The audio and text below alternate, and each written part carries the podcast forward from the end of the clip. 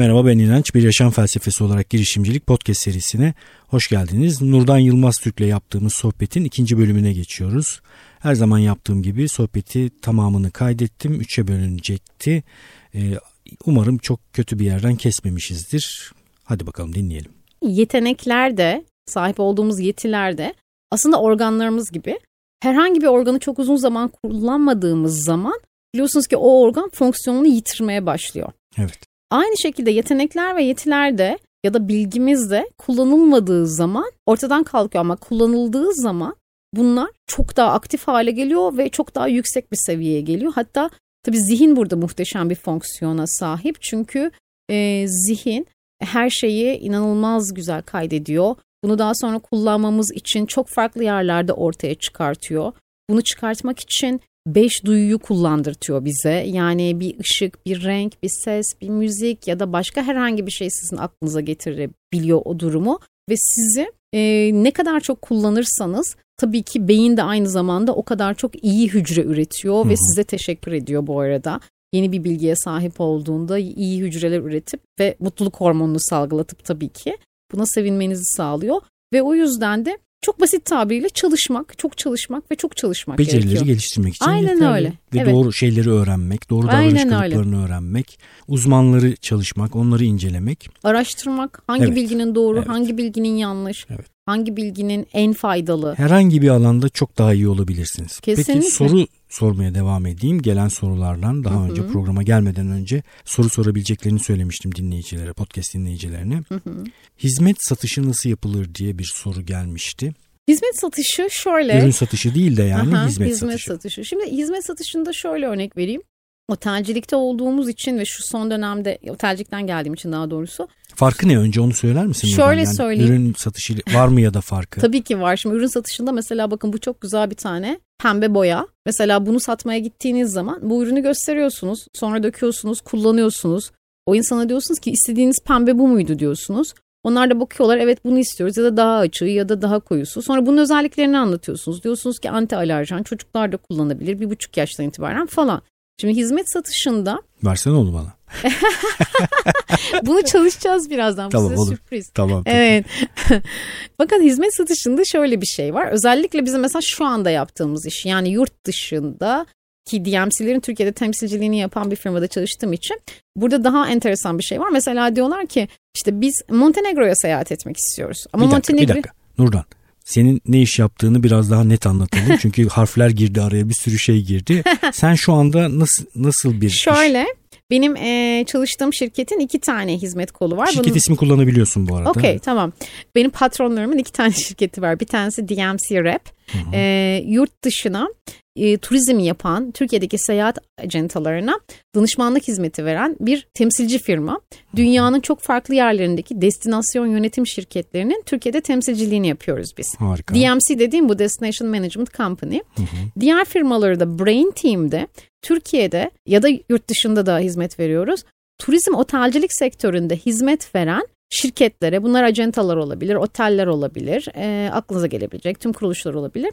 Bu şirketlere eğitim danışmanlığı hizmet veriyoruz. Satış, liderlik, işte mutluluk, hayat yönetimi, takım çalışmaları, pazarlama teknikleri. E, yani otel zincirleri geliyorlar arttırışı. sizden Aynen öyle. fikir alıyorlar. Aha, eğitim alıyorlar. Ekiplerinin eğitimleri yapılıyor. Mesela şu anda da e, bir tane yöneticimiz yine bir otelde eğitim veriyor. Bunların satışını yaparken tabii şöyle bir şey var. Yani bu, bu, bu, bu hizmet satışı. Ürün aynen satışı öyle değil. bu hizmet satışı. Evet yani dediğim gibi mesela Montenegro'da biz bir seyahat yapmak istiyoruz. Bunları bunları bunları yapmak istiyoruz. Siz e, bütün Montenegro videolarını, bütün işte o resimleri, her şeyi göstermenize rağmen Hı hı. e, ortada bir ürün yok. Yani oraya gittiği zaman gerçekten yüzde yüz memnun olup olamayacağını işte oranın hava durumu ya da işte oradaki insanların hizmet veriş şekliyle ilgili hiçbir fikri yok. Buradaki en önemli e, nokta bence yani ben kendim bunun satışını yaparken e, şundan yola çıkıyorum. Destinasyonları çoğu zaman zaten ziyaret ediyorum ama e, bunun yanı sıra o destinasyonu çok araştırıyorum ve çok işte severek neresi bize hitap ediyor, neresinden o insana daha fazla yaklaşabilirim ve onun orada kendini nasıl hissetmesini sağlayabilirim? Yani farklı insan türleri açısından ne tip etkileri olabileceğini önceden araştırıyorsun. Önceden araştırıyorum. Kendi deneyimim olan destinasyonlarla ilgili şöyle söyleyeyim. Bu hizmet satışında çok önemli bir şey kendi deneyimlediğiniz yani bütün dünyada da aslında bu var siz de çok iyi biliyorsunuz çünkü sizin eğitimlerinizde de siz bunu çok kullanıyorsunuz. Storytelling denen şey yani hikaye anlatıcılığı. İnsanlar artık dünyada ürün ne olursa olsun ya da e, konu ne olursa olsun böyle hani slaytlarla ya da işte bilgilerle böyle işte bir dolu prospektüslerle ilgilenmiyorlar aslında ve bir dolu işte bilgilendirme kitaplarıyla işte guidebooklarla falan. anlamıyorlar. Aynen öyle. Bununla zaman kaybetmekten de hoşlanmıyorlar. İlgilerini de çekmiyor. Çok sıkılıyorlar. Böyle bir durum var. Mesela siz eğitimlerinizi yani ben sizin çok az görmüşümdür slide yani. Yok, iki eğitimde neredeyse. evet iki eğitimde hiç görmedim. Hani spontane davranışta hiç görmedim. Stratejik düşüncede hiç görmedim. Ee... Param yok Nurdan. Slide çok pahalı bir şey. Hayır değil. Çok sıkıcı bir şey. Çok sıkıcı bir çok şey. Çok sıkıcı bir şey söylüyorum burada. Ondan sonra oyun oynamak tabii ki onun yerine daha keyifli bir şey. Değil Ama storytelling e, müthiş bir şey. Yani hikayeleştirme, hikaye anlatma e, çok keyifli. Ve insanlara kendi tecrübenizi de bu şekilde aktardığınızda onun gerçekten o an yaşamanız yaşamasını sağladığınızda yani şunu yaptığınızda mesela şu restorana gittim şöyle güzel bir yemek yedim işte o geldi bunu koydular sonra bir güzel işte Mesela Adana'nın dün bir arkadaşım anlattı. Çok sevdiğim bir arkadaşım diyor ki işte bir muzlu süt yapmışlar. Ya şimdi muzlu süt ne kadar anladınız mı? Hani evet. muzlu süt diyebilirsiniz. Ama o kadar güzel anlatıldığında diyorsunuz ki ya ben Adana'ya gidip gerçekten o sütü içmeliyim. Şimdi satışın işte en önemli bence sahip olması gereken özellik bu. O deneyimi karşısındaki insana duygu olarak teslim etmesi gerekiyor. O insanın içine sinmesi gerekiyor. İşte içine sinmek diyorum ya. O insanın o ürün içine sinmesi gerekiyor. Oh demesi gerekiyor. Yani ben buna mesela satışta en önemli şeydir. İşte ben niye bunu alayım da bunu almayayım da bunu alayım. Tabii ya ki. Çünkü buna niye 2 lira fazla vereyim? Orada ürünün özelliklerinin o kadar o insanın ihtiyacına e, birebir uygun olduğunu düşündürtmek, e, bunu ona göstermek ve dediğim gibi hikayeyi öyle güzel anlatmanız gerekiyor ki hizmet satışındaki en önemli unsur bence e, ürünün gerçekten iyi bir deneyim olarak karşı tarafa aktarılması. Çok güzel bir noktaya değindin gerçekten Nurdan. İyi markalar da çok uzun süredir bu, bu noktadan zaten yaklaşıyorlar. İşte Apple örnek verilebilir. Yani niye daha yüz, çok fazla kaç dolar olduğunu bilmiyorum da daha fazla dolarlar vermek gerekiyor ürünlere. Bunun izahını ürün özellikleriyle getirmiyor. Hatta aynı kategoride teknik özellikleri çok daha iyi olan başka bir sürü ürün var. Ama satmaya çalıştığı şey ya da tarif etmeye çalıştığı şey bir insan tipi, bir deneyim türü ve bir duygu, bir hikaye. Çok iyi ay- ayakkabı markalarında da aynı şey geçerli değil mi? Evet kesinlikle öyle. Under Armour mesela e, performans satıyor. Evet. Yani oradaki işte Amerikan futbolu futbolcularının fotoğrafları var. Yani diyor ki Under Armour'dan bir şey aldığın zaman kendini yüksek performans gösterecek gibi hissedersin. Hem öyle hissedebilir hem de mesela bu da çok bence kişisel bir dokunuş.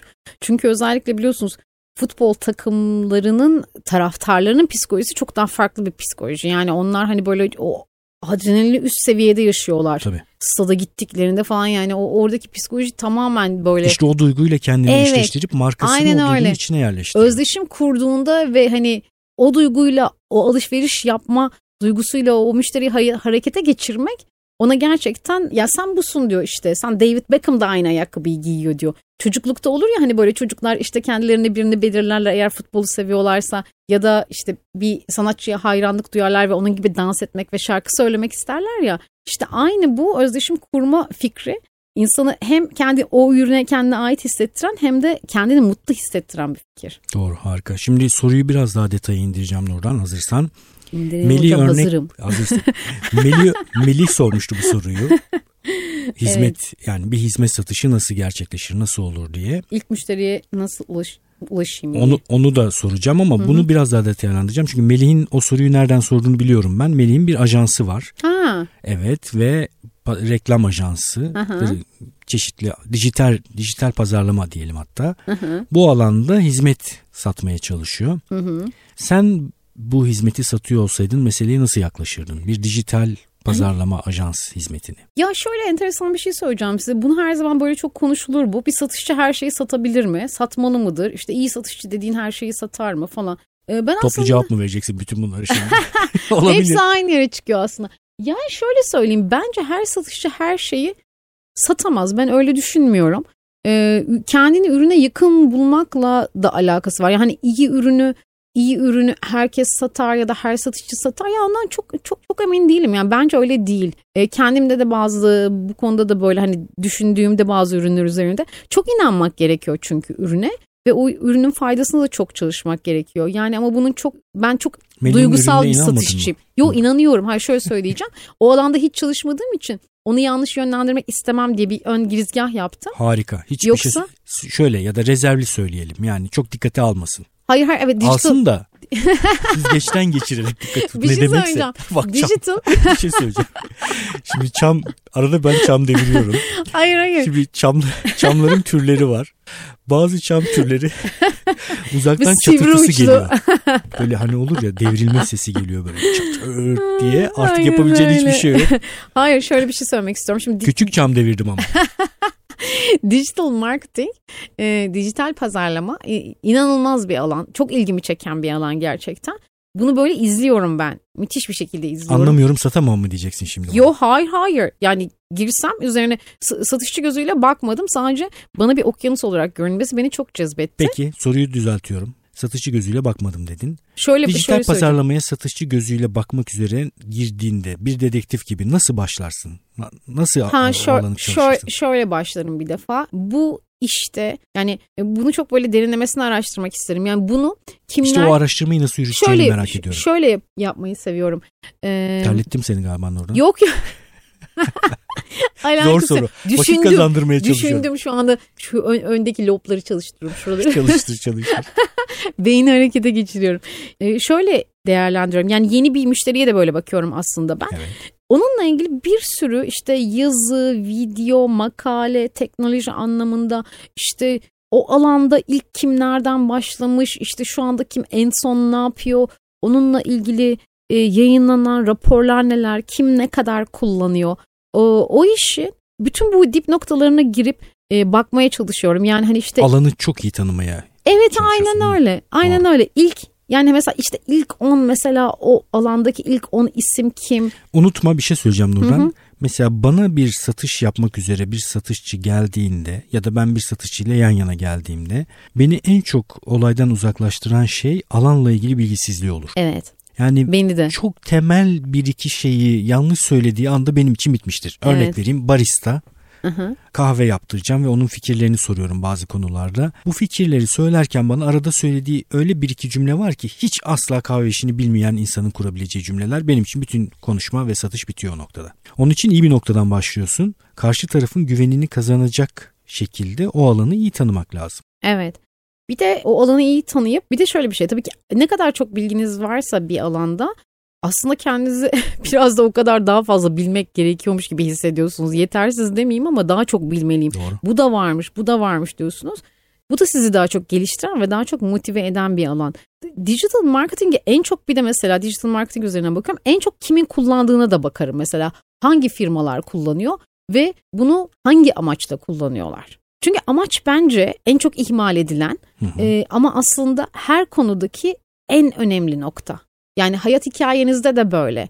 Yani hani evlenirken bile böyle anladın. Amacınız ne? Yani niye evleniyorsunuz? Genelde satışa gidenler ya da üreten firmalar ya da bir markayı oluşturan kurumlar kendi ne yapabildiklerine çok fazla odaklanıyorlar ama karşı tarafın görmeye çalıştığı bir iş var en nihayetinde. Değil mi? Evet, evet, evet, Ve evet. çoğunlukla da senin sattığın şeyin bir kısmını kullanıyordur ama kendi işi ba- bambaşka bir şeydir. Evet.